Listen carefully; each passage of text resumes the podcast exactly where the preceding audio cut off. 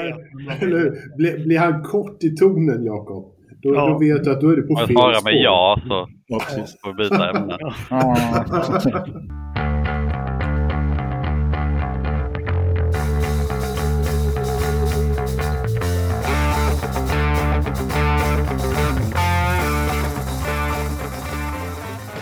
Hallå där ute! Välkommen till Forsa-podden avsnitt 77. Mm.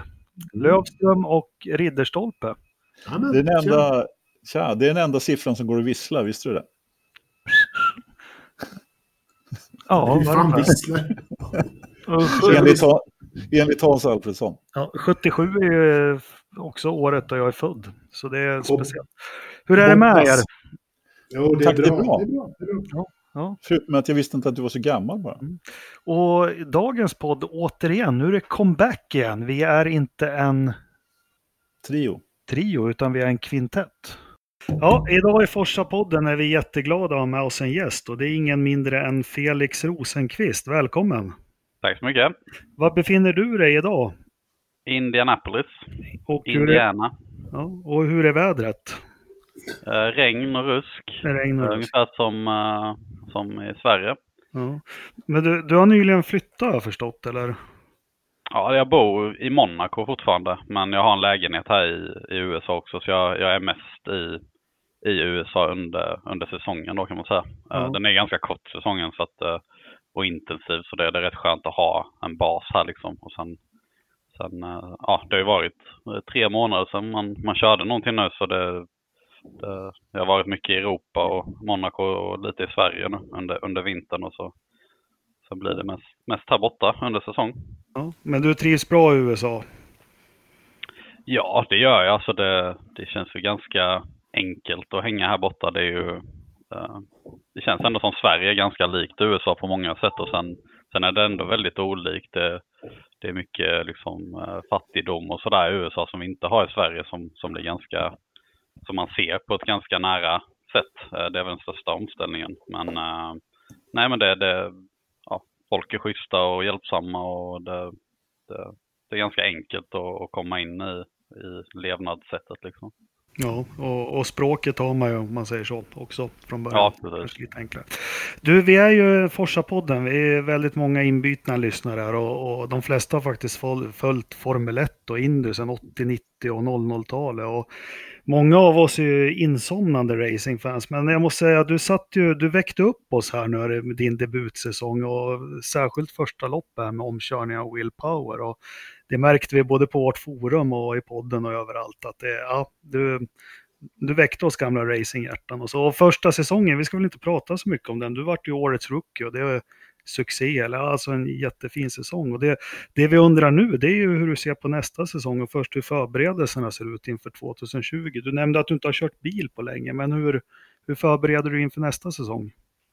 Precis, det, det är väldigt långt uppehåll och det, det är ganska speciellt eh, för min del nu efter senaste åren där det varit väldigt mycket hela tiden. Eh, jag, jag satt och räknade, jag har inte haft ett riktigt uppehåll sedan 2015. Eh, så att det, eller 2014 egentligen. Så det är rätt annorlunda, men däremot känns det rätt skönt och, och även fast man vill köra så är det skönt att få den där hungern som kommer tillbaka. Jag tror det, bara det kommer nog göra rätt mycket när man börjar testa och köra igen, att man, man verkligen liksom man har ett helt annat sug och bara köra bil. Uh, uh, sen, sen så har det hänt rätt mycket i teamet nu då. Marcus har kommit in i teamet, uh, en till bil, eh, en till crew. Uh, och det, det, det, känns som att det, det är rätt annorlunda, uh, annorlunda struktur i teamet, vilket jag tror är väldigt bra. Uh, det, det, har behövts liksom att det kommer in mer folk och, och röra om lite. Och det, det har även varit folk som har hoppat från, ja, eh, från Scotts bil till Marcus bil och från eh, från de, den crewen som kommer från spot, eh, sportvagnsteamet då, eh, som, som kommer vara på Marcus bil, de som körde Ford-programmet i IMSA innan. Eh, jag har fått några av dem på min bil, Scott har fått några av dem, så att det, det känns som att det, de har rört om lite i grytan, vilket jag tror är bra för de, de flesta i Chip Ganassi har varit där väldigt länge. De har varit där i ja, 10-20 år, så att det, vilket är väldigt bra, men ibland är det också bra med lite, man, man, man, man gör om lite. Alltså jag funderar på det där, du, det, det blir tre bilar där. Alltså hur, hur stor omställning blir det? Liksom? Här, hur mycket tror du det påverkar dig att det blir ett extra eh, crew, som du, som du kallar det, liksom, i, istället för förra året? Alltså jag, jag tror på det. Uh, jag, jag gillar upplägget med två bilar men i, i vårt fall så känns det som att det, det behövs i och med att uh, till exempel Andretti de är sex, ibland sju bilar. Uh, mm. Jag tror under Indy 500 är de sju bilar. Mm. Och det, det blir så pass många så att man, det räcker knappt att vara två stycken även fast, fast jag och Scott jobbade väldigt bra ihop när, när det bara var vi två och liksom pushade hårt så kändes det bara som att vi blev liksom vi blev slagna av de andra helt enkelt. Och... Du, du tänker på att de, de eh, Andretti hade en stor fördel av att liksom vara så många så de hade mycket mer data som de kunde själva använda ja. och, och sätta upp bilen rätt och, och sådana här saker. Exakt, och det, det, det, behövs i Indycar på ett annat sätt. Uh, om, om, man kollar typ i F1 så blir det ofta att man har du kör nästan samma setup hela tiden oberoende på vilken bana du kommer till. Du ändrar liksom utväxling och mm. ride heights och lite sånt där. Men det i, i grund och botten så är det samma setup hela säsongen som du utvecklar. I, i Indycar så har du helt olika setuper varenda race eh, i och med att banan är så annorlunda. Och, och då, när du bara har tre träningspass och behöver liksom så mycket input som möjligt från förare och bil då för att, eh, ja, för att hitta rätt till, till kvalet. Ehm, hur, hur, går det till då? Kommer in på det direkt. Om jag ställer in en sån här Indycar-bil, vad, vad, vilka variabler och vad är det man jobbar med främst då i, ja, för att ställa in den? Alltså det är väl som alla andra bilar. Ehm, det, det är väl de, de, vanliga grejerna man gör. Det liksom, eh, dämpare är väl det vi jobbar absolut mest med i och med att vi har ett eget dämparprogram i teamet. Då. Eh, så att vi, vi ändrar oftast inte våra dämpare utan vi slänger bara på en helt annan dämpare.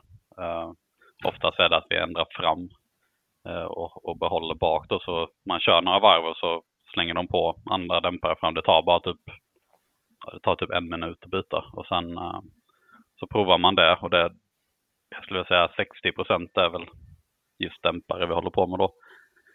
Eh, hur mycket skiljer det sig från eh, olika bantyper? Ja, det är ju ganska stora skillnader på, på road courses och stadsbanor eh, kontra ovaler. Kan du utveckla det lite? Ja, det, alltså ovalen är ju verkligen en helt annan grej. Eh, där kör du ju med stagger på bilen som det heter. När bilen är liksom, eh, den har ojämn, eh, ja. Ja, precis. Den, det... den, är som att den är krockad redan när man börjar köra. Dra lite till vänster. Ja, precis. Och det, och det är inte bara det utan det är med cambervinklar och du har ju faktiskt camber så att du har ju positiv camber på vänsterhjulen. Ja, just det. Um, så det, den bilen är gjord bara för att köra fullt i en kurva. Liksom. Det, den, den kan inte göra någonting annat. Uh, inte bromsa, inte accelerera, in, ingenting. Den är bara gjord för liksom, ett, ett purpose. Uh, hur, mycket, det... hur, hur mycket skiljer från en, en uh, kort oval och en superspeedway då?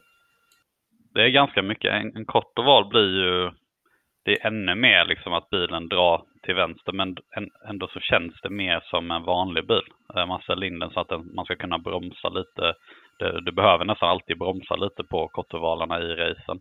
Eh, så du måste ha en bil som kan ta liksom att du går på bromsen och den, den dyker lite i nosen utan att du liksom snurrar. Alltså gör, gör du det i Indy 500 så snurrar du typ direkt om du ens nuddar bromsen in i, in i kurva 1 liksom. Så att det, det, du, du får en mer körbar setup på kortovalen i och med att du har olika spår och att det händer mycket mer i racen. Det blir inte att det bara ligger och uh, ja, det, det, blir inte samma lugna liksom spårval?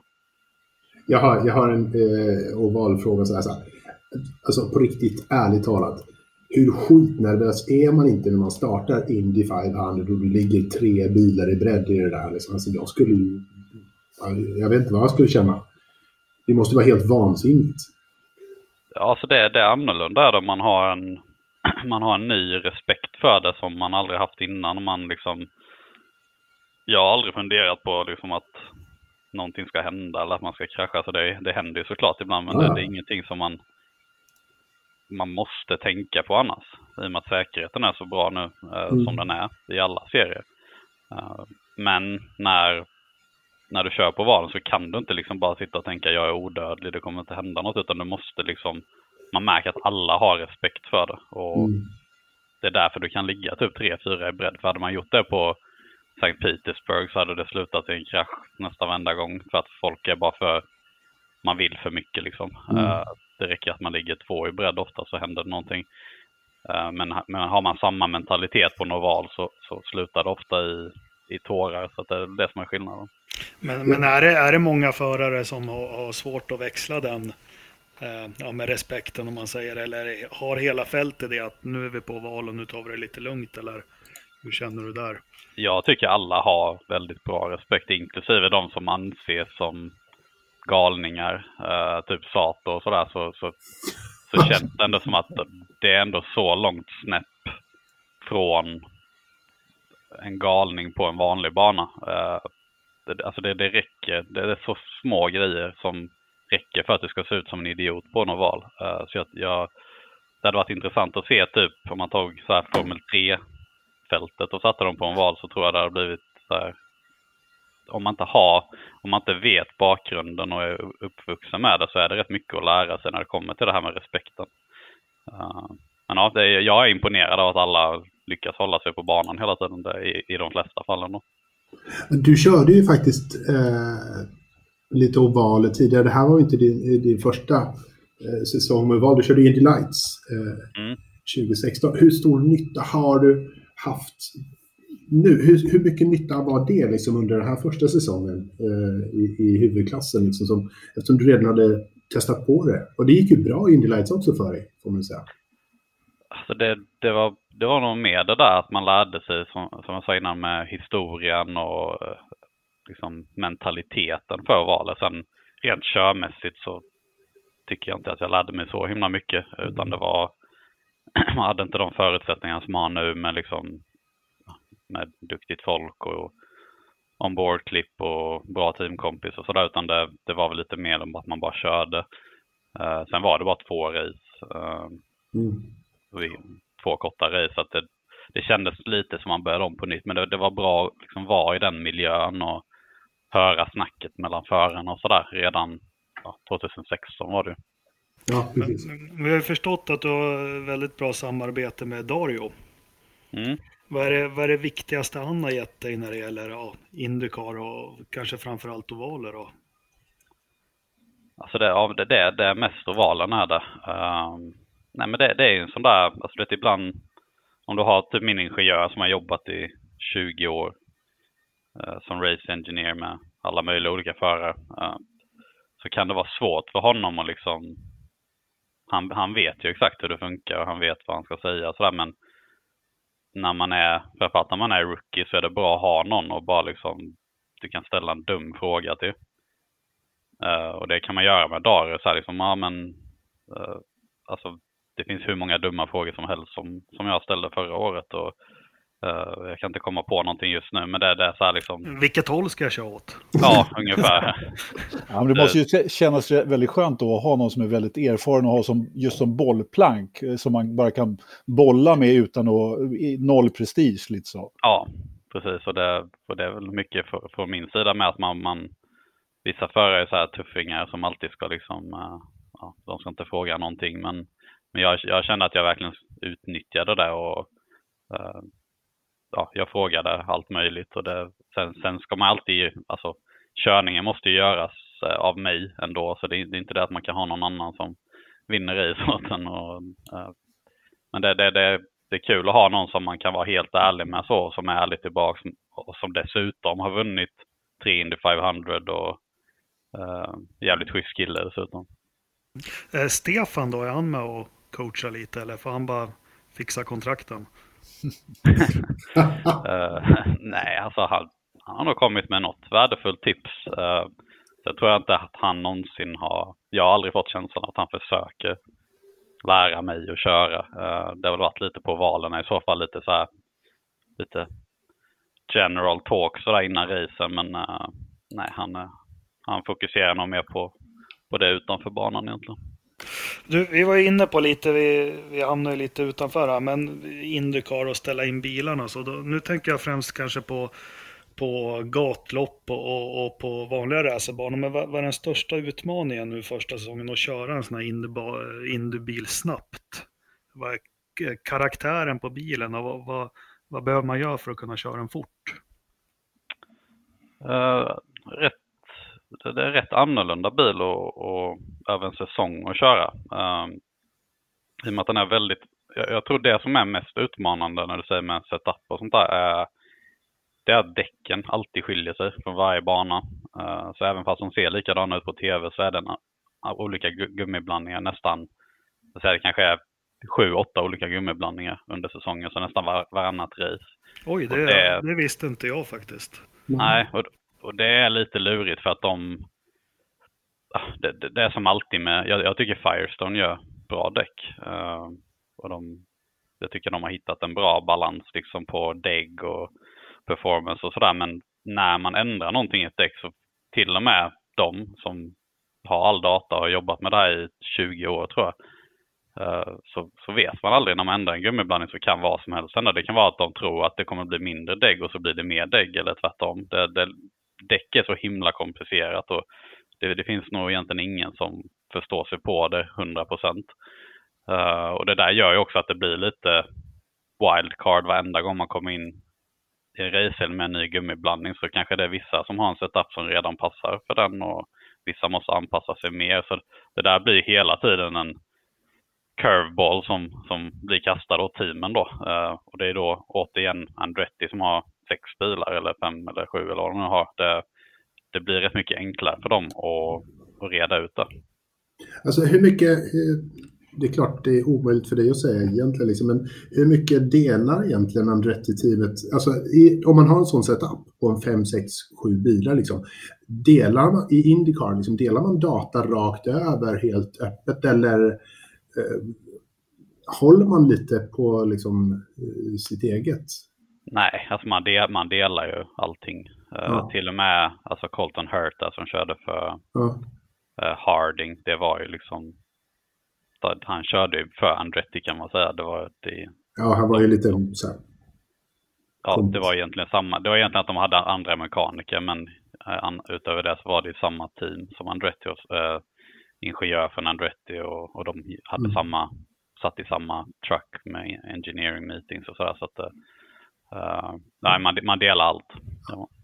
Ja, men eh, det var lite intressant det här du sa med så många olika däcksblandningar. För om inte jag är helt ute och cyklar så var det just två lopp som det funkade rätt bra för dig förra året. Och då var det just en speciell blandning. Mm som funkade. Ja. Och, men för vi pratade lite om det här i podden också, att inledningen på säsongen så var det lite problem med den ena typen av däcken och få den att hålla. Eh, mm. känns det som det stämmer? Ja, alltså det, det var...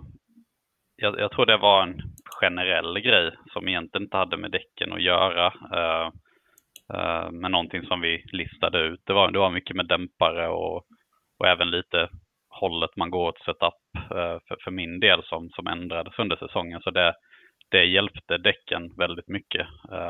Att man lärde sig körstil och, och, att jag pushade för att ha en lite annorlunda setup. Men sen som du säger, de två racing jag kom på pallen så var det samma däcksblandning. Sen om det var därför, det, det vet jag inte. Uh, Nej, det, det, är svårt, det är svårt att man, man, man vill ju tro att man går framåt hela tiden och det var ju de två sista roadcoursen, eller tre sista roadcoursen. Mm. Um, så Laguna tror jag var annat däck också, men det, det gick bra där också. Så jag, jag, jag, tror att vi tog faktiskt steg utöver att det var bara tur med däcken. Men eh, fick du anpassa något i din körning? Eller var det mest setup-förändringar? Nej, det, det var absolut uh, att jag fick anpassa mig i körningen. Uh, men det, och det är en sån där grej som varenda bana man kommer till så måste man nästan, det, det går liksom inte att ha någon generell körstil i Indycar. Det är det som är lite kul. Det finns liksom ingen som alltid är snabb ut i kurvorna, någon som alltid är snabb in i kurvorna. Och, uh, Eh, det, det, det, det är liksom hela tiden experimentera med, med körstil och, det, och setup. Så eh, väldigt annorlunda mot allt annat. Men då, då funderar jag ju direkt nu liksom på hur, hur det känns inför den här säsongen 2020 som, är, som då är första året på fem år eller någonting du sa att du har ett uppehåll eh, i körning tidigare. Alltså fram till nu när du började in, du sa att du, du körde ju tre, fyra eh, olika eh, bilar under, under höst och vinter med Formel E och Blampé och massor av saker.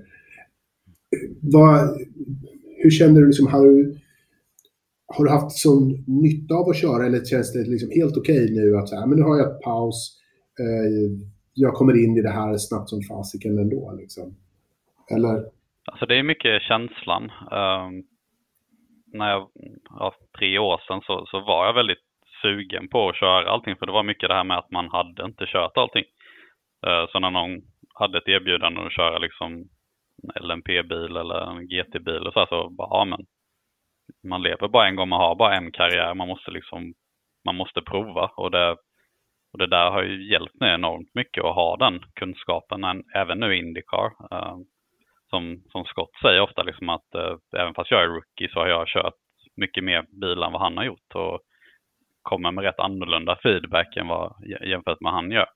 Även fast han är master of Indycar, det är, liksom, det är svårt att rå sig på det. Men, men jag, jag tror det, det har gett mig en mycket mer komplett bild och inte så, inte så smalt liksom bara på formelbilar.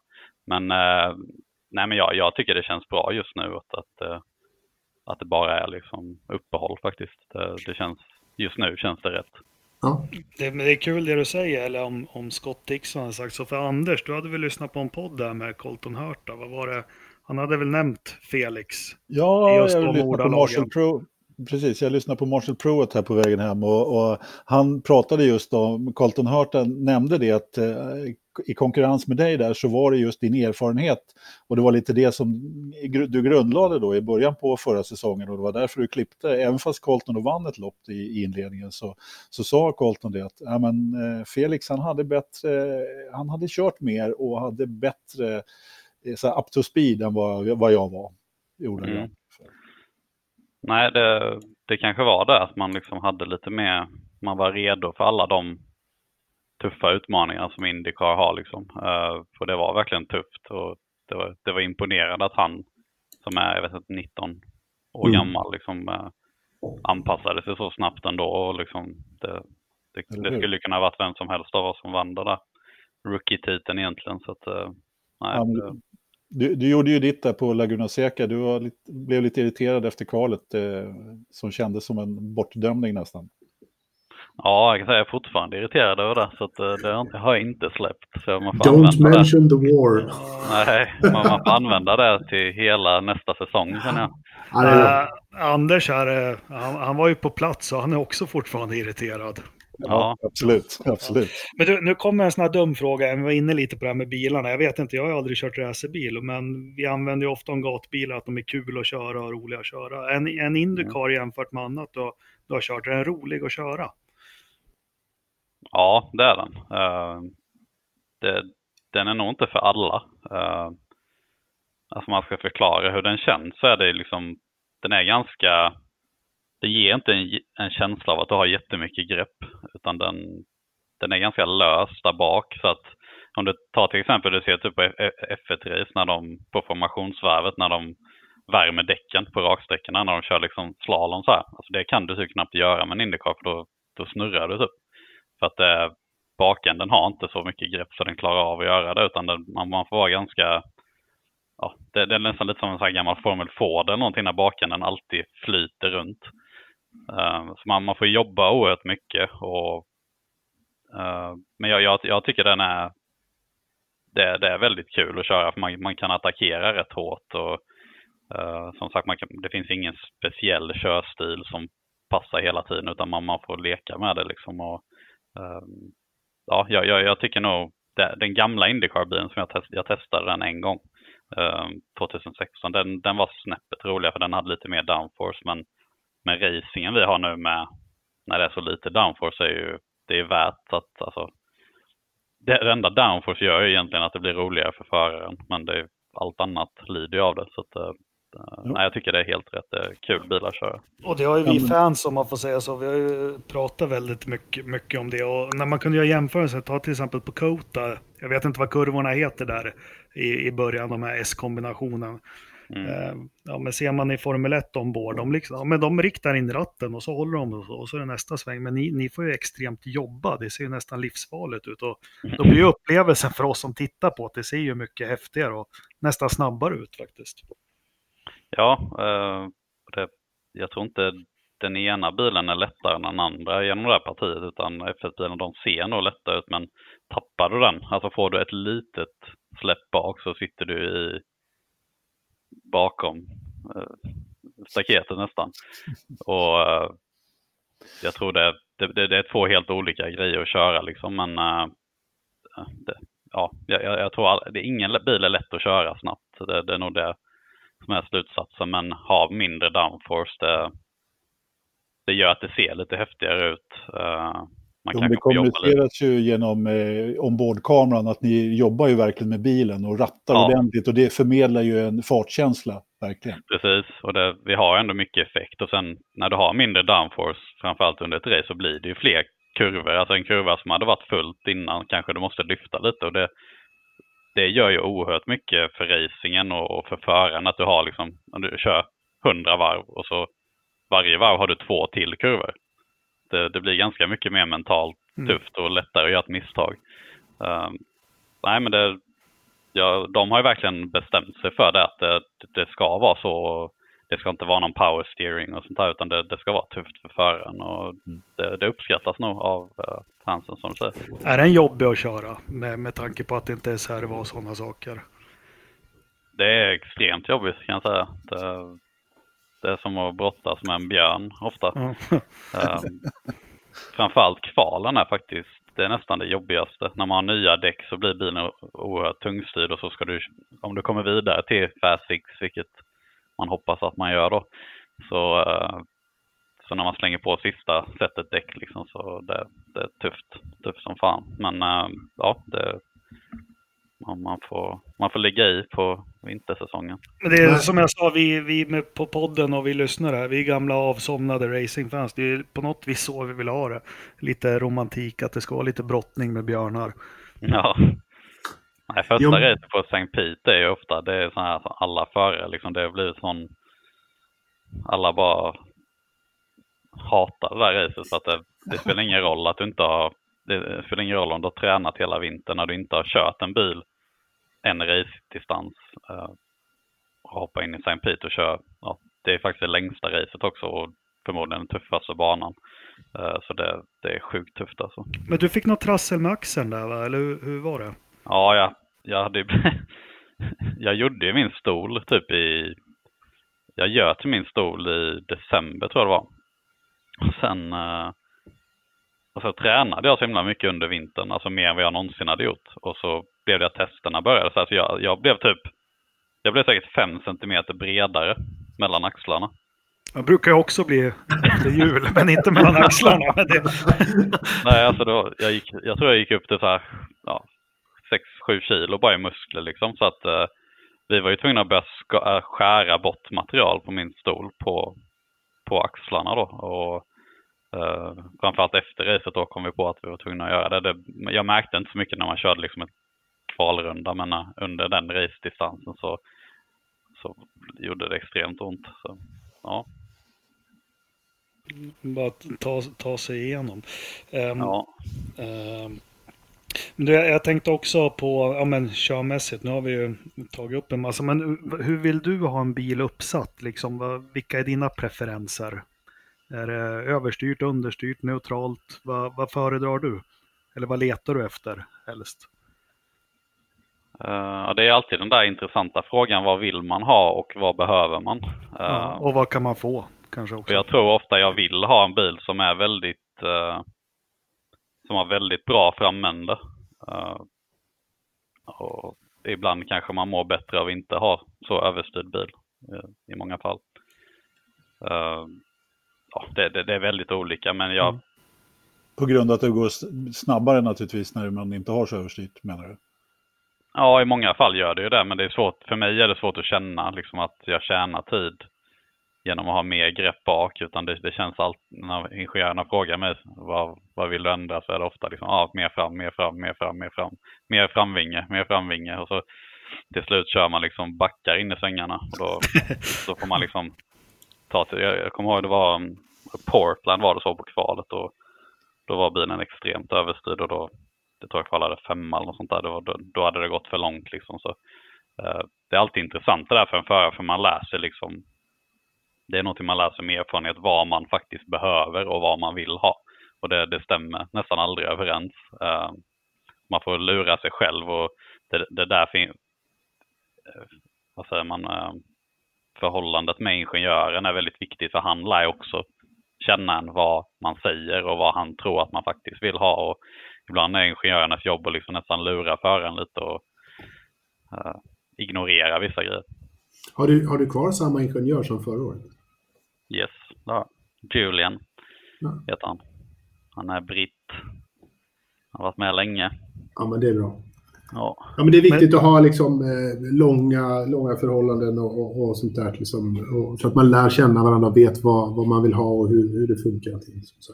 Men det där är så jäkla intressant när du är inne på det. Det där, det där går, särskilt om man räknar sig själv som lite mer inbiten. Men det du berättade om var det kvalet på Portland nu. Sånt där får vi aldrig reda på. Jag tycker det är superintressant. För då kan man sitta vid tvn och, nej vad fan, kom man bara femma? Men det är så ja. mycket varje, ja men det är superintressant. Jag, sånt där vill man ska komma fram mer. I alla fall jag mm. tycker det. För det, är så, det är så lätt att, att, att, kasta en prestation för oss som tittar på till soptunnan och tycka att det borde gå kör lite fortare. Men jag tänkte på eh, din teamkamrat du hade förra året, Scott Dixon. Hur mycket skiljer, skiljer er åt i körning? Och, och har ni, vill ni åt samma håll oftast eller? Alltså han är ju rätt mycket av samma filosofi. Att han, eh, han gillar ju att ha bilen överstyrd också jämfört med andra då. Så att eh, eh, på den fronten har vi väldigt lik körstil skulle jag säga på road courses.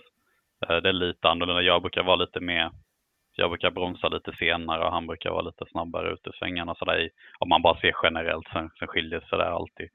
Um, men, eh, men sen på valarna så alltså, kör han mycket mer överstyrt än vad jag gör. Jag tror det har med confidence och erfarenhet att göra. Sådär. Ehm, så det, där skiljer det sig verkligen. Men, men på de vanliga så, så skulle jag nästan säga att jag kör lite mer överstyrt än honom. Och, eh, ja, något åt det hållet. En dum fråga till. Han har ju seglat upp också lite, förutom du då, som är favorit. Hela hans uppenbarelse och hur han är. Vi pratar mycket om det i podden och diskuterar. Så han är en, verkar vara en fantastisk människa och i intervjuer och allt. Av med solglasögonen och svarar trevligt jämfört med kanske Formel 1-förare. Men hur bra är han egentligen? Kan du, kan du säga någonting? Skulle han, skulle han göra sig ett toppteam i Formel 1?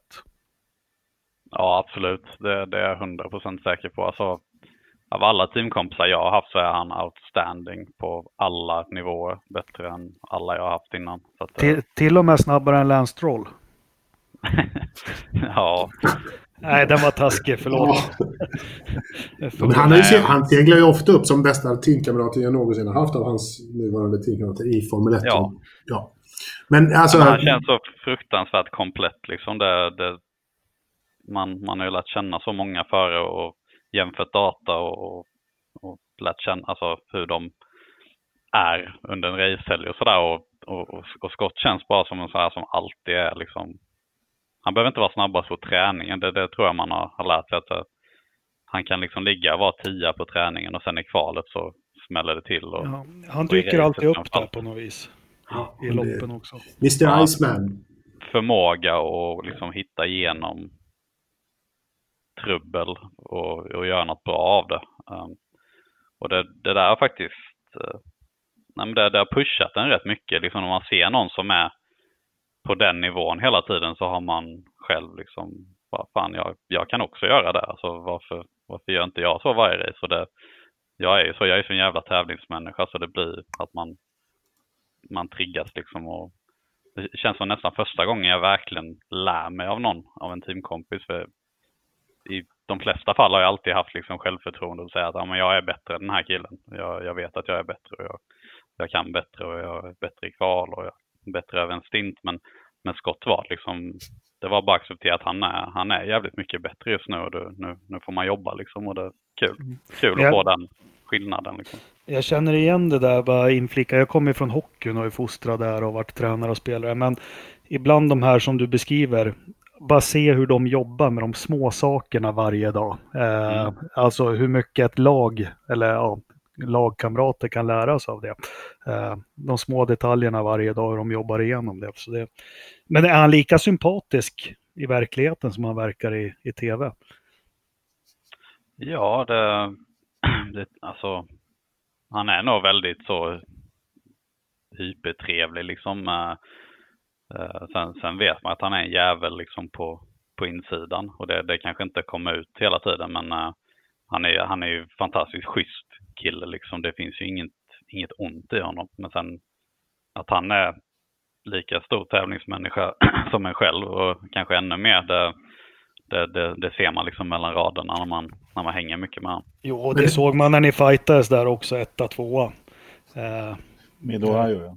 Ja, det var... Ja, det, men alltså hur gick snacket efteråt där? Bara för där, där var ju liksom några... Då, då satt ju vi och, och studsade hemma i sofforna och, och skrek lite grann.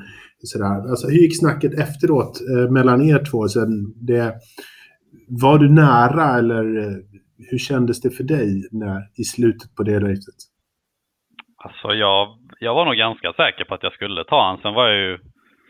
Då hade jag bara ett varv på mig med att jag legat bakom massa varvade bilar, vilket man kan prata en hel timme till om. Att, varför det var så. Max Men, Chilton. Ja, ja det. Uh, för att ta nästa avsnitt. Men uh, nej, så jag hade ju liksom bara ett eller två försök på mig. Och, och, det var, ja, jag var ju rätt säker på att det var mitt race. För det, det var mitt race, det kände jag liksom. Det, men tänkte du någonsin speciellt på att det var skott som, som var framför dig? Liksom, var det lite extra ja, sporre alltså, sådär eller? Alltså, det blir väl den där liksom en procent mer försiktigheten liksom. Eh, mm. Sen när jag gjorde försöket då så tänkte jag att han nästan, alltså hans däck var så slut så jag trodde nästan att han släppte förbi mig först. Uh, I och med att han hade liksom, man ser kroppsspråket på hur han svängde in i kurvan var liksom en mikrosekund. Tänkte jag, ja men han, han har lämnat dörren öppen så nu, nu dyker jag liksom. Och sen precis i samma sekund så körde han liksom rakt mot kurben så sett.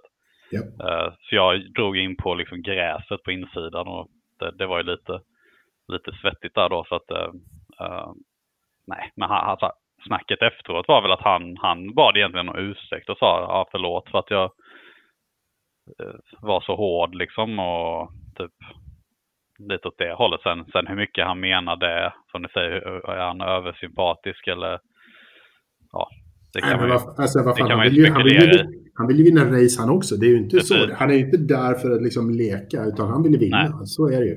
Och det var, det var kul att det blev en sån fight och alla var nöjda. Liksom. Det var inte det att någon var tjurig för att det nästan smällde och sådär, utan det var, det var liksom... Nej. Det är klart det hade de varit om det smällde ordentligt. Men, ja, men du, uh, på tv såg du du tog jäkligt stort ansvar. Det är alltså min för att det inte smällde. Större än vad han gjorde där. Ja, försöker gjorde. Det, det så var det nog. Framgick. Men, men, eh, när vi är inne på det, vi har pratat om det några gånger också, att vi tycker att bilarna håller rätt bra ändå i Indycar. Jag har kört in i någon liten eh, mur någonstans och backat ut och åkt ja. ja, det är helt fantastiskt. Jag håller med. Det, uh, aldrig, alltså den där känslan av att hur hårt man krockar och hur mycket går sönder, den är helt fel när man kör Indycar. För ibland har det varit att man liksom dunsar i någon så hårt som man tror att hela framänden är borta och sen är det ingen skada alls. Man frågar teamet liksom, eh, hur ser fram, eller har jag en framvinge först och främst? Så här, bara, ja, det, allting ser bra ut och uh, ja, det, det måste vara någon bra kolfiber de använder på de här bilarna. ja, men sen har vi sett också, vi skrattade, det var ju något lopp, jag kommer inte ihåg vilken före var. Hans bil var ju totalt skrot, men det var, det var fram med gaffatejp. Och så ja. tejpade de och han, var det, en, ja, ja. var det inte en oval till och med? Jag tror det var en oval, de, de tejpade i sidepodden, det var, liksom, det var helt sjukt. Det var helt silvrigt där, liksom. det var ingen reklam eller någonting, så helt bananasigt. Det gick bra. Men du, jag tänkte bara rent, rent så krasst, racingen i Europa mot USA, vad är de största skillnaderna? Och, och helt ärligt, vart trivs du bäst att racea i Europa eller USA? Eller Japan? Eller Japan, ja. Uh, ja, men det är tre intressanta jämförelser. Uh, Europa känns mer fulspel, om man ser direkt så. Och inget fel med det, jag, jag gillar den racingen också. Eh, att det är mycket blocka, framförallt i USA får man inte blocka. Så det, det är egentligen den största skillnaden när man raceas sida vid sida. Sen känns det i USA som att det är mer om du har kommit ut på ytten eller innan. Då får du liksom, det är nästan, ja, vissa trycker ut den i utgången men de flesta låten har det spåret. Så har du bara kommit upp liksom jämsides med någon så, så ska du få det. Då ska du få ligga där hela kurvan och i, även ut i kurvan. Uh, och det finns någon form av respekt där. Men sen finns det vissa förare som typ Newgarden, Rossi, Sato och några till som de kör egentligen likadant som i Europa uh, när det kommer till det. Så det, man, man, man lär sig lite vilka man kan risa så hårt med och, och vilka man inte kan. Uh, sen ehm, Sen eh, Japan som du säger, det är väl mer det är nog mer full attack där på något sätt. Det är liksom dykningar från 100 meter och sådana här grejer. Det, det är lite det, mer attack. som alla kör kval hela tiden bara. Det, det är rätt intressant och att det blir sån kulturskillnad liksom om man, man reser över. Nu svävar, jag, nu svävar jag iväg lite, men du, du som har varit där, varför får inte Japan fram någon topp, topp, topp någon gång? Ett sånt mo motorsportland alltså? Det är en väldigt intressant fråga. Eh, jag har också ställt mig den faktiskt efter att jag var där så, så blir det ännu svårare att, att fatta varför de inte har det i och med att de har så sjukt duktiga förare. Um, jag tror det är att de har en så pass bra motorsportbas, alltså plattform i, i Japan. De har de, nästan alla duktiga förare kör både Super GT och Super Formula, vilket är ja, det är som att köra Indycar och DTM på samma gång kan man säga. Och de får rätt okej okay betalt, kanske inte liksom lika bra som toppförare Indycar eller Formula E eller något sånt, men, men de, de, de, de, de, de kan leva hemma, de kan bo i Japan liksom där de trivs och de kan köra race nästan varje helg.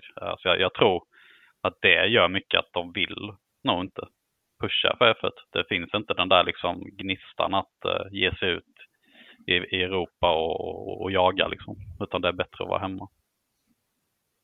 Ja, det låter ju helt okej så jag skulle nog... Om, om, man inte, om, om, jag, om jag inte behöver liksom, så skulle jag kunna hänga hemma och liksom köra racing och det liksom, får bra betalt, bra racing. Varför ja. liksom? Då, då, finns ju inte den, den stora dragningen kanske.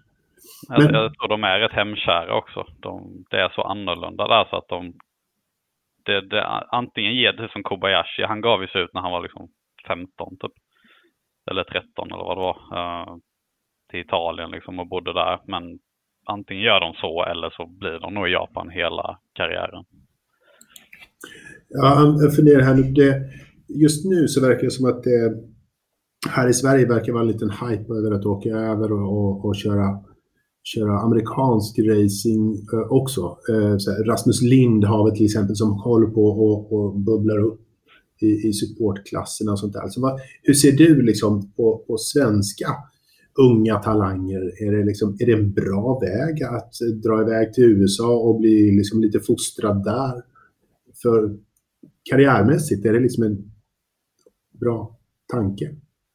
Ja, det, det tycker jag. Um, och det precis likadant som Japan. Där som sagt, jag var två säsonger att både USA och Japan tror jag de, de kräver ett commitment. Alltså de vill att man, man kan inte komma där bara, ah, nu ska jag sopa banan med alla och sen ska jag dra hem.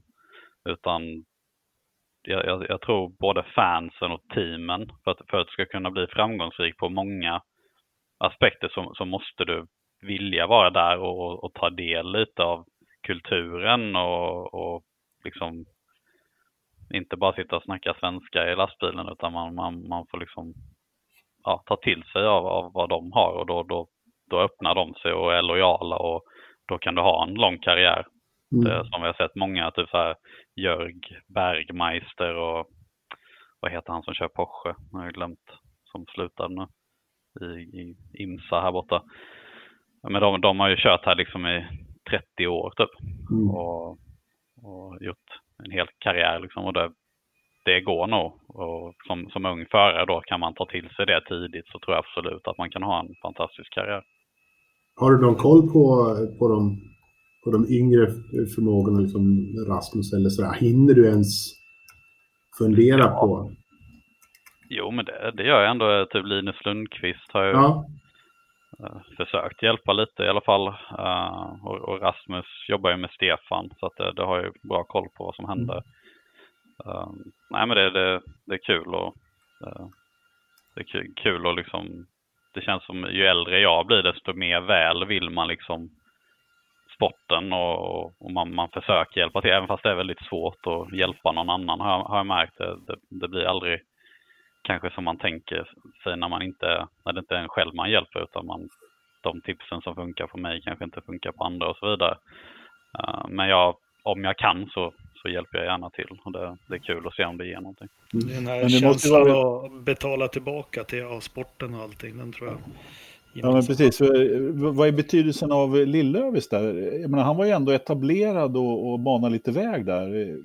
Hur, hur, hur, hur, hur betydande det skulle du säga? Nej, men alltså för den, för den karriären jag har nu i, i USA så är det ju, har det ju varit A och O att jobba med, med Stefan. Det har ju behövts. Liksom det, det, det är svårt att, att bara komma som vem som helst och, och och ha det liksom kontaktnätet och veta vem man ska snacka med. Och det, det, är så lätt att göra fel. Alltså du kan göra rätt. Det kanske hade gått utan, det vet man inte. Men du, då kanske du gör fel nio av tio gånger och då blir det inte lika bra. Så att, eh, jag är väldigt tacksam att, eh, att jag började jobba med Stefan. Att vi liksom, sen i början av vårt eh, partnership så då, då, var det inte det att han liksom ah, han bollade in mig i något team så, utan det var mer att man lärde sig massa grejer om sporten som jag inte kunde innan och hur man skriver kontrakt och vad man ska tänka på när man, eh, när man kontaktar ett team och, och, och sen lite små styrningar här och där då i lite GT-race och sådär som han via sina kontaktnät då liksom eh, äh, fixade upp hela tiden så det, det kändes som han, han har liksom fostrat mig väldigt väl i ja, fått lite skinn på näsan helt enkelt i, i racingvärlden. Det, det, det, behöver man. Ja, han har väl ett bra kontaktnät i både Europa och Amerika som jag har förstått det också. Ja, men han har alltid hållit sig liksom på, på god fot med folk jämt. Uh, och det, det ger ju resultat liksom. Uh, när, man, när man blir lite äldre så är det många liksom favors och uh, han har kört för många team och, och ja, han har ju alltid varit på banor liksom. Så att det, det, är, är man liksom schysst mot alla då så, så går det ju att få något tillbaks också. Har han ritat någon tavla åt dig då? Nej. Nej, tycker det... du ska beställa. Han är otroligt duktig. Jag tänkte på en sak, det här kulturer du sa, Japan, Europa, USA, en rolig grej. Nu ska vi inte prata om honom, men jag hörde någon intervju jag läste med Marcus som kom, hans första när han kom och skulle testa eller vad med Smith Peterson. Han var ju van från Formel 1 och banta, banta och skulle gå och be att få lite mat och fråga har ni sallad? Ja, ja, för fan, det har vi där. Då var det coleslaw. det är en liten kulturell skillnad. Så. Men du, jag tänkte klockan går här. Vi ska inte ta all din tid. Det är 2020 här. Eh, mm. Det är lite svårt att veta för oss jämfört med Formel 1. Hur ser, när börjar testerna för dig? De börjar i eh, februari, 9 februari, om jag inte minns fel, eh, på Sebring. Nej, förlåt, Kota. Kota. Ja. Precis. Och, så det är en officiell test då uh, på Kota. Och hur många tester är det fram till premiären? Uh, så det blir ju, det, det blir nog bara de två, tre tester blir det. Mm. Och det är, det är ingen nytt Nej, reglemente med bilarna eller något? Utan... Ja, det är ju den här aeroscreenen. Precis, vi tänkte komma till den. Vad tycker du om den? Har du testat den? Nej, jag ska för första gången faktiskt hoppa i bilen och se hur det, hur det ser ut att sitta i den eh, på måndag. Ja, vad, vad, vad, tror du hittills eller vad har du hört om det? Eh, alltså den största feedbacken just nu från föraren är väl att det blir väldigt varmt i bilen. Att det, inte, det blir som ett vakuum så det, luften rör sig inte där inne. Um, om du tänker dig att det, det, finns ett litet luftintag framför skärmen uppe på mm. Där dämparna sitter. Eh, så luften går in men sen går, sugs den upp längs med rutan rakt upp Så den kommer egentligen aldrig till föraren. Eh, så det står helt still där inne. Så det blir extremt varmt tydligen. Eh, så de har börjat kolla på om man ska ha så här kylning för hjälmen. Okay, ja. Så man sätter en slang in i hjälmen då. Ja. Eller liknande. Um, nej men annars, ärligt talat så tycker jag det känns rätt bra att de har det. Alltså att det blir en, till lager säkerhet i, det hela. Liksom det, för min del hade de nästan kanske bara kunnat köra det på ovalerna. Men uh, uh, nej, men jag, jag är glad att de har det och det, det känns ändå som, även fast den kanske inte är snyggast i världen just nu så tror jag att det kommer om två, tre år så kommer den nog dessutom se mycket snyggare ut. Va, den, skulle... den, har ju åtminstone blivit snyggare än de första testerna som vi såg som såg ut som någon prom hade tejpat fast där framme. Liksom det. Men nu, ja, men nu... det gör rätt mycket när de designar, liksom, när de ja. sätter lite loggor och, och dekaler och sådär. Så att, äh, när, när, när, man har tänkt på designen med den så, så, så blir det nog helt okej. Jag tror man, jag tror man kommer vänja sig. Men du, en fråga som har diskuterats flitigt på vårt forum om den här eh, vindrutan. Vad händer om du får olja på den? Nej, det är väl också eh, ja, egentligen den största frågan då. eh, framförallt om det regnar. Vad, vad gör man liksom om det blir något kladd på rutan? För vi hade ju när vi körde i Detroit så är det sånt här betongdamm eh, som ligger på vägen och när det regnar och det där kommer på visiret så blir det bara som en, alltså det blir typ som olja, det ser ut som olja. Eh, så alla som körde ryckte ju bara av tear off, tear off, tear off tills man inte hade någonting kvar redan varv 10. och sen fick man bara köra eller sitta och gnugga med, med, med handsken på visiret liksom. Och om det händer då med aeroscreenen så blir det ganska tufft. Men, alltså, vad, äh, hur går snacket? Vad, vad, vad är planen? Vad, vad kan du nej, göra? Man, vi, vi, har ju eh, tear-offs. Så att när du gör depåstopp så måste du ta bort en tear-off. Du måste det? Ja, jag, jag, tror det kommer bli så att man måste okay. det. Så att det, det tar väl typ en sekund eller någonting då. Så. Uh, så det är väl rätt bra, men problemet är väl då om du är mitt under en stint. Precis. Då ska du gå in i depå då för att du inte ser någonting. Uh, så det, det är väl stora frågan. Uh, det får helt enkelt se. Alltså, kan, kan, kan liksom domaren gå in och säga så här, nu har du för skit i aeroscreen så nu måste du gå in i depån eller sådana här saker? Liksom. Jag tror det kommer bli självreglerande. Mm. Om man inte ser så eller hur? kanske man inte ser på den heller. Men, men en annan, kommer en sån här, jag som aldrig har suttit i en formelbil och kört, det har jag funderat på hela livet när jag tittar på. Hur mycket sten och grus och gummi och skit studsar mot hjäl hjälmen när ni kör? Inte så, alltså stenskott får du hela tiden, men eh, och sen lite skit hela tiden. Så det är små gummibitar som du knappt märker så det blir ju att du får dra tear-off då och då. Men ibland får man ju så att typ när jag körde på Barber, då fick jag en gummi, alltså jag, jag, jag har en stillbild på det där från onboardklippet. Alltså det var en gummikorv som var typ, alltså som en tegelsten som drog in i huvudet. Alltså jag, jag blev nästan så här knocked out. Alltså jag tappade typ två sekunder där varvet bara för att Usch. det var som att få en käftsmäll liksom. Uh, så ibland, ja, ibland. Men jag, jag, flyger ju stolen ibland när jag fått stenskott på vindrutan. Jag, jag tänker ja. ofta på det, alltså hur ni klarar av det. Och ibland har jag kört gokart och fått lite grus på mig. Jag tycker det är superobehagligt, men det, man kanske vänjer sig. Ja, nå någonting som är också svårt är när du kör valer. Så, sväng, så har du fingrarna över. Mm. Alltså när ja. du svänger så har du mm. över cockpiten. Ibland får du stenskott rakt på typ ja. knogen. Det gör, det gör sjukt ont. Det har nog hänt två gånger för mig kanske, men ja, det, det är tydligen rätt vanligt. Men du kan ju bli av med fingrarna då, alltså i de farterna. Det låter ju ja. riktigt. Men du, 2020, vad, vad lägger du ribban? Törs du säga det? Vad går du för?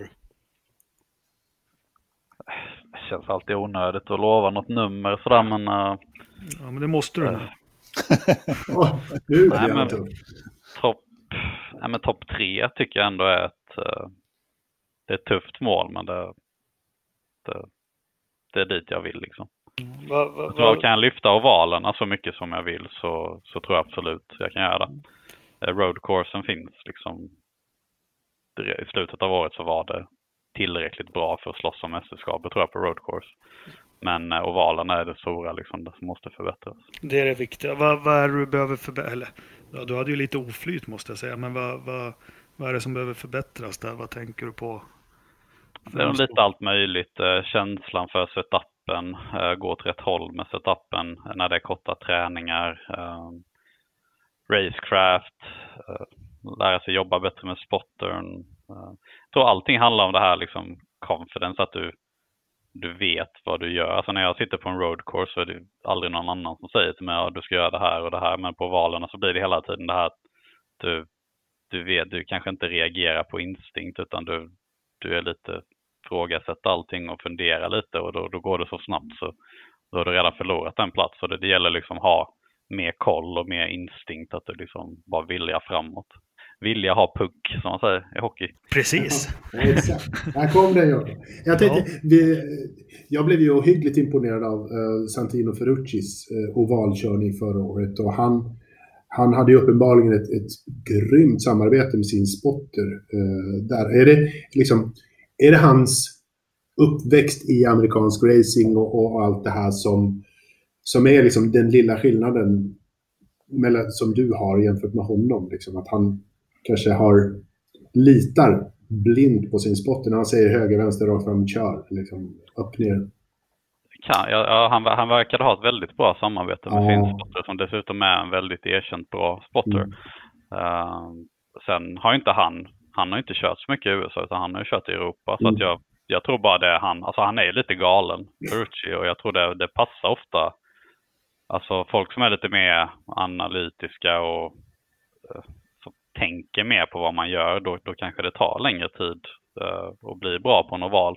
Men är du lite galen och bara liksom en sån som, ja, jag vet, jag vet inte vad man ska jämföra med, men en, en, en person som bara är liksom så här, alltid varit vild så, så tror jag det hjälper på valarna för att komma upp till speed. Ja. Sen, som, alltid som i allt annat så måste du ha hjärnan också för att liksom, eller jag ska inte säga att han inte har hjärna, men att du måste ha den här, ja, du måste veta varför saker och ting händer.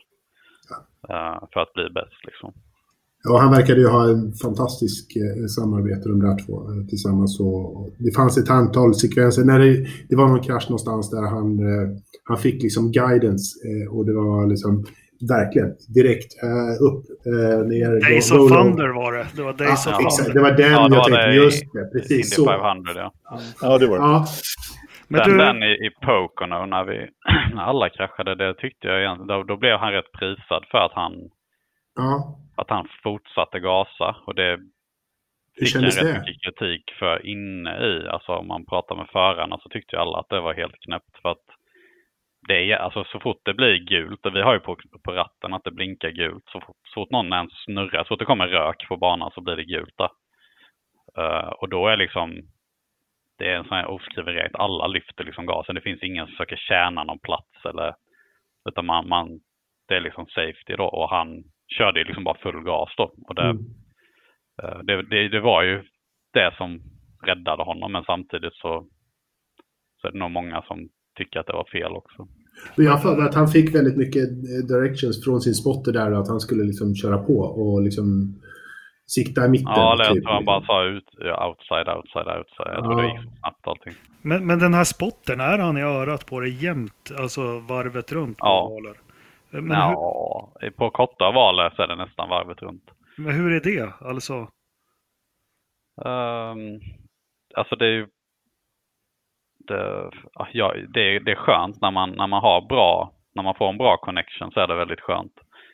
Eh, sen har jag, jag har alltid problem att höra vad folk säger på, alltså om man pratar i telefon eller radio, är det lite oklart så, så hör inte jag vad de säger. Och, och det har nog varit min största utmaning och liksom ibland så hör man inte, det är inte tydligt utan det, det är oklart, det sprakar. Och då, då ska man gissa vad de säger och då börjar man tänka på det och sådär. Så det är mycket sånt som irriterar mig som, som jag har pushat teamet hårt av. Vi måste liksom måste få bättre radiokvalitet och sådär. Ehm, Sen på road courses så har jag valt att min spotter inte ska säga någonting första varvet. Mm. Utan det, och det, det var någonting som gav direkt resultat för mig, för jag tappade platser hela tiden i starten. Och för det blir som någon säger typ inside, inside, inside, inside och då blir det typ nästan att man, man bara väntar på att någon ska köra om en. Du vill lita på instinkterna där kanske, eller? Ja, men det, det är bra att ha den instinkten man har byggt upp i hela sin karriär från gokart, att man liksom går in i första kurvan så vet man om man kollar lite i backspegeln. Och, och den, den, funkar ju faktiskt. Och då, då agerar du som jag sa innan på ren alltså ryggmärgs reaktion. Liksom. Det, det, är inget att någon säger vad du ska göra utan du, du gör bara det du ska göra och det, och det, det funkar mycket bättre. Men, men, men, har man någon taktikstrategi inför en första kurva i form, alltså i, i racing? Nej. Utan Nej. det är bara att se vad det blir och så ja. agera efter det. Alltså ibland kan det vara så här typ att jag ska ge mig fan på att köra på ytten för att alla kommer köra på innen känns det som. Eller det, det kan ju vara som beslutet tar, kanske inte innan starten men du märker typ att många ligger på innen och så tänker du nu ska jag göra en sån tv-spelsrökare på ytten och det, det funkar ju ibland.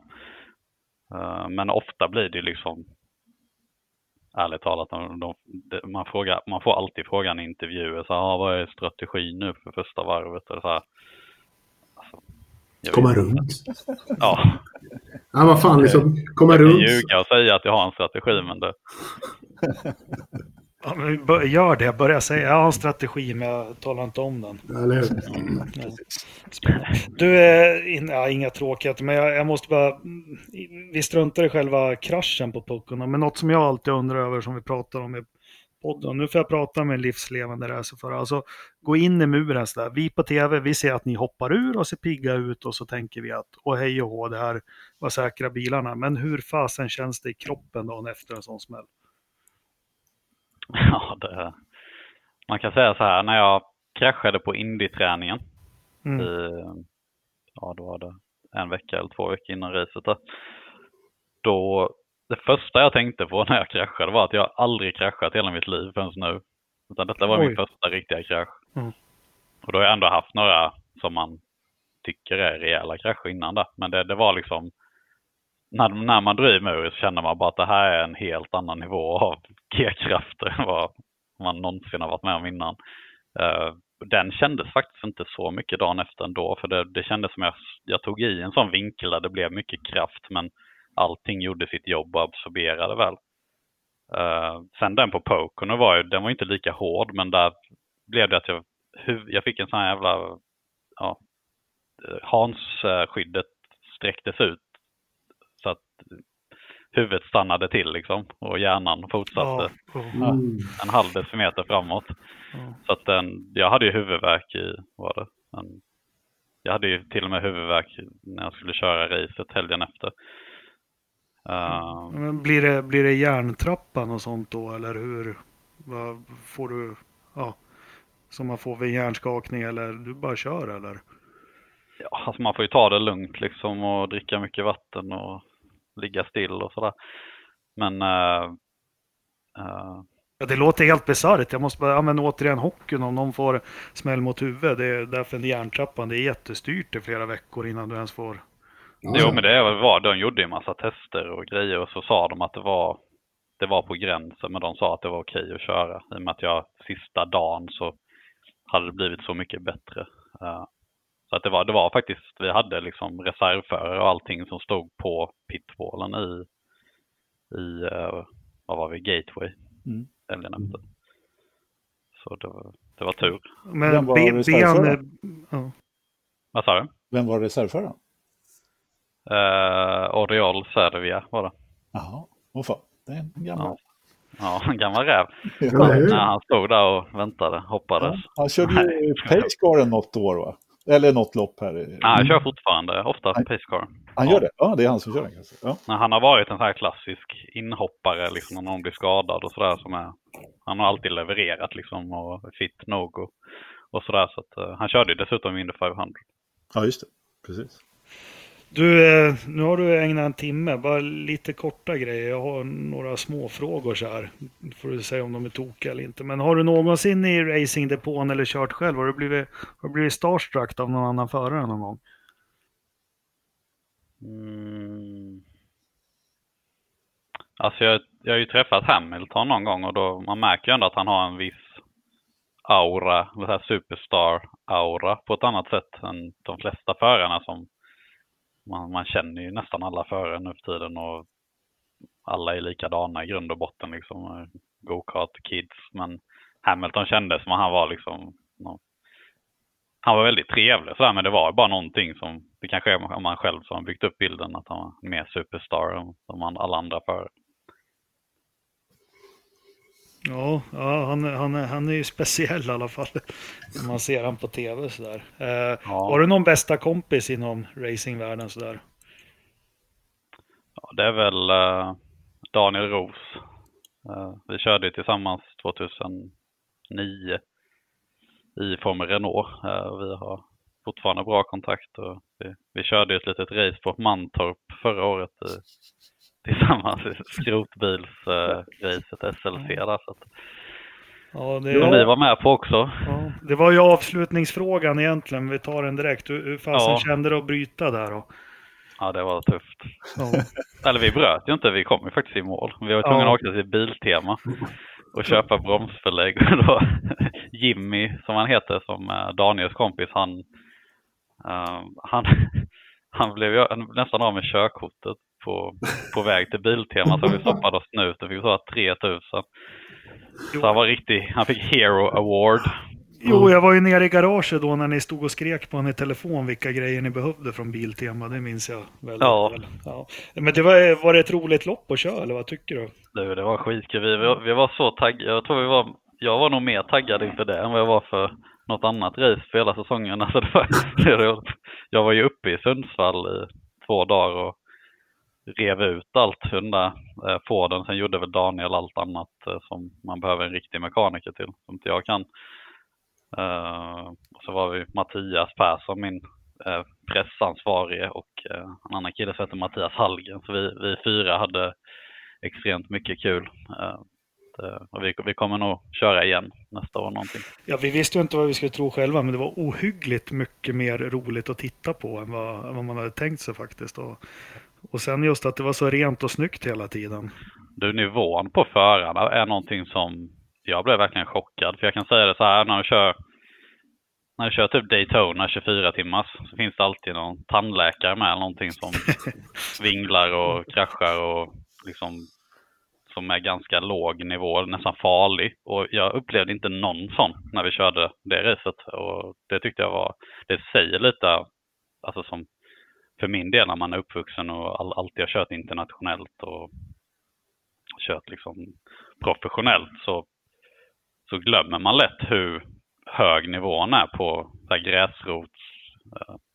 eh. Om man tar typ i ja, Sverige eller Finland eller England när folk liksom kör klubbracing. Och det, alltså det, det är tufft och det är många talanger där som kanske hade blivit en Hamilton om de, eh, om de hade möjlighet.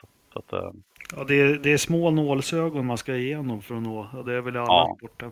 Men jag tänkte på det just det på Mantorp. Det börjar bli mörkt där och i första kurvan det var halt. Fartskillnad. Det var liksom aldrig något missförstånd eller något kroka ihop och så. Det var riktigt rent och snyggt kört. Det var ja. jag imponerad av faktiskt. För jag trodde, jag trodde det skulle vara stökigare.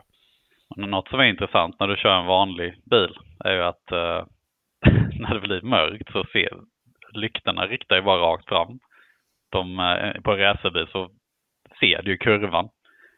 Men det gör man inte på en sån bil så du får gissa var, när du ligger själv och det är svart så får du gissa var kurvan är. Uh, så det var, det var utmanande även för en uh, erfaren kanske. Ja men då ser vi fram emot att se det där. Du kanske får med dig någon annan känd chaufför då. Uh, mm, får fråga, kan inte Chip fixa som Montoya kommer och kör? Ja. jag, jag, jag ska inte blanda in chip för mycket i det där. Jag, jag är glad att jag fick, mm. att jag fick köra. Jag tänkte, måste... frågar du innan? Ja, det gjorde jag såklart. Ja. Det, och det var okej? Okay. Det hade varit dumt annars om man satt där i någon betongmur med Ford Mondeo. ja, vad bra. Du eh, Anders, Christian, har vi något annat? Eller ska vi vara nöjda så här? Känns väl som att det börjar eh, mm. bli en stund här så att mm. eh, vi, vi har kommit en bit och det är kanske lika bra att börja avrunda lite. Då går vi in på akt två nu då. Nej, jag skojar. eh, nej, men ha, lyssnarna och vi på forumet, alltså du har väldigt mycket fans. Det, det var tydligt för oss som driver den här sidan den här säsongen. Väldigt mycket. Jag hoppas du känner det också när det, där borta du kör att det vi sitter framför tv-apparaterna och hejar på det i Sverige. Ja, det, det är skitkul att höra. Ja, och, och, så är det verkligen. Jag tänkte annars, du har ju lite, det finns ju de här Felix-resorna, eller vad kallas de? Mm. Uh, och det är väl släppt en ny nu. Ja, vill du berätta lite om dem? Så det är ju då, uh, så det är ett företag vi jobbar med som, som anordnar allting då, men uh, vi, vi kommer länka upp allt det på min hemsida, felixracing.se. Så det, det ingår uh, hotell, inte resa då, uh, inte flygresa, men det ingår hotell och, och biljetter och läktare och allt sånt där, uh, depåbiljetter till uh, framförallt Indy 500 men även uh, Toronto och uh, Laguna. Och Anders, du var ju på Laguna. Du, du åker ju på mycket race, Formel 1 och allt möjligt. Du rekommenderar ju Indycar och tycker det. Ja, det var något helt annat än att se Formel 1 i alla fall, som jag, i det som jag har sett tidigare. Jag har varit på ett eh, kartrace tidigare på, i, när de körde i Tyskland, men annars så var det ju, det var väldigt annorlunda och väldigt öppet och väldigt, eh, ja men helt klart avslappnat måste jag säga. Mm. Ja, men det är många som säger och det är en helt annan vibe och mm. den är gjord för sådana som kommer och kollar, inte för ingenjörer och förare, utan det, det, det ska vara kul för fansen att vara där och det, det är ja, helt rätt tycker jag. Det har de verkligen eh, det, det, det, har de uppmärksammat och det märks verkligen också. Det, det var helt annorlunda, jättetrevligt. Vi gör ju lite Forza-resor ibland och så. Man kanske skulle titta på de här tre ställena. Vart kan, vart kan man hitta mer information om de här tre arrangemangen du har? Uh, gå in på min hemsida bara så, så hittar du det där. Japp, då, då lägger vi ut en, en länk på, på Facebook-sidan om det också. Så får vi se om det blir något no Forsa-gäng. Eh, sista frågan från mig då, måste jag fråga. Eh, favoritbana, vilken bana vinner du på nästa säsong? St. Pete. St. Pete, bra. Ja. Den svåraste och jobbigaste av dem alla. Och den första. Vi, bör, vi, vi, vi, sätter nivån direkt. Ja, och, och ingen jävla gym nu då så du inte passar i stolen. Nej, Ta... Nej, nu får jag köra slapp-metoden. det, det, eh, Christian Anders, har ni någon fråga att avsluta med? Nej, det är bra. Nej, det var just den som jag hade tänkt ta, så eh, det känns som att det är avklarat. Ja. Du, tack så mycket Felix. Eh, vi önskar dig lycka till och vi följer och, och vi hejar på dig och på återhörande kanske. Mm. Ja, absolut. Ja, och... Tack för att man fick vara med. Ja, men det var ju jätteintressant att höra lite från Felix. Han var ju inte med i liveinspelning utan den här har vi... Eh, jo, det var han faktiskt, men vi spelar in... Det var han ju faktiskt, visst det. Vi spelar in där efteråt. Vi tänkte vi besparar honom vädret i Idre. Det skulle ta för lång tid. Jag förstår och... inte varför vi gör det egentligen. Jag tror att han skulle gilla det. Men vad, vad säger du? Va... Alltså, vi glömde ju sista frågan att fråga Felix om vad han trodde att temperaturen i datorförrådet var. Jo, men han har ju lovat oss att han kommer åter i podden. Så, eh, ja, vi får ta det då. Vi får ta det då. I, intressant var det. Vä väldigt intressant och väldigt öppen han var och, och berätta om saker. Men eh, vad tänker du Christian? Ja, alltså jag, jag var inte alls... Jo, känslan av Felix som man har är ju att han är en väldigt snäll, trevlig och enkel eh, person. Det finns ju inga eh, konstigheter där. Och, liksom, och det var ju bara det som han visade återigen, liksom, hur trevlig, helylle eh, eh nästan kan man säga, han är. Han gav ju oss lite inside också som man kanske inte riktigt har hört eh, så mycket om utanför de inre kretsarna där. Liksom att, Ja, jag tycker också en sak som är intressant det här med att de får en till bil också. Att de anser mm. att Andretti egentligen är sju bilar som, som delar. Alltså, man fick ju mycket, mycket, mycket enklare att förstå fördelen med att vara många bilar. Mm. Och att de delar data så otroligt mycket mellan varandra. Liksom. Och det, det, det går man ju säkert att spinna vidare på även i Formel 1, fast där är det mera politiken som, som är intressant att ha connections mellan olika stall. I Indycar är det mer liksom så att jag vill vinna ett race. Alltså har jag tillgång till så mycket data som möjligt genom att ha många bilar. Och det är, liksom, det är lite en annan nivå. Det är lite mer racingnivå på det hela känns som. En, en så här snofsig politik. Att vi ska se till att allting görs på, med våran fördel som det är i Formel 1. Vad tänker du Anders?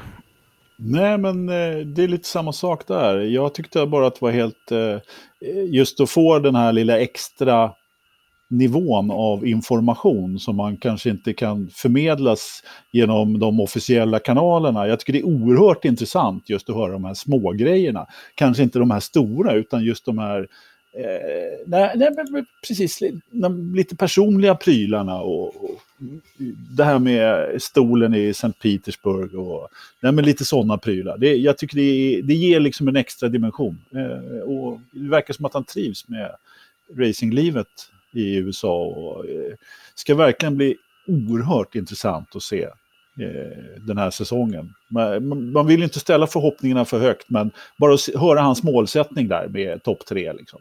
Vinna första racet. Nu ska inte jag ta orden i mun, men jag, jag får bara känslan. Svenskt ödmjuk, inte lov för mycket, men jag tror att han går före nästa år. Ja, det är klart det är. Han, eller i år. I år. Han ska, han ska ha mm. titeln. Vad bra hörni. Du, eh, det vart ju inte så mycket annat snack och sånt. Har vi någon, har vi någon förstappen då? Eh, eh.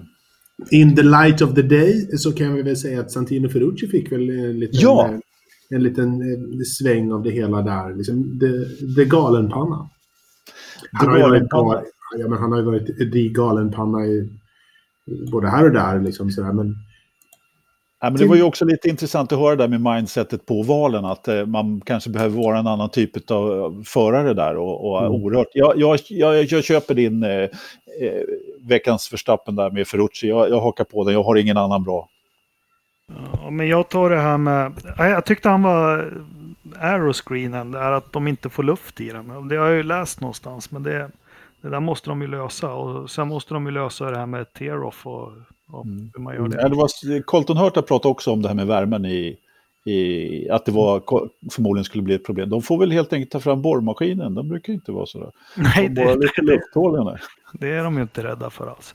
Uh, nej men vad kul. Uh, klar himmel i Grövelsjön. 1024 hästar. Det är 15,1 minusgrader ute. Oj jävlar. Har han duschat? Nej, 16 plus, 16 procent inne, 87 ute.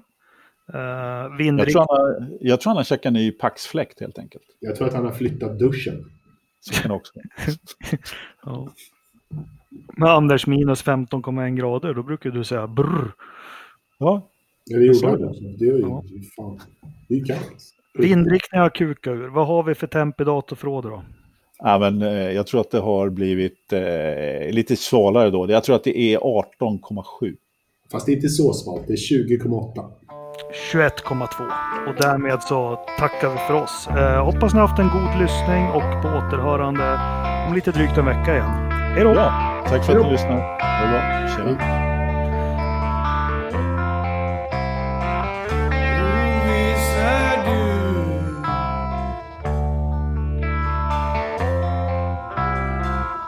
ängslan förtvivlan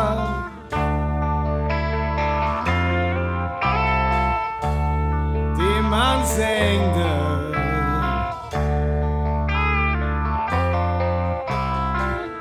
Den sista vilan.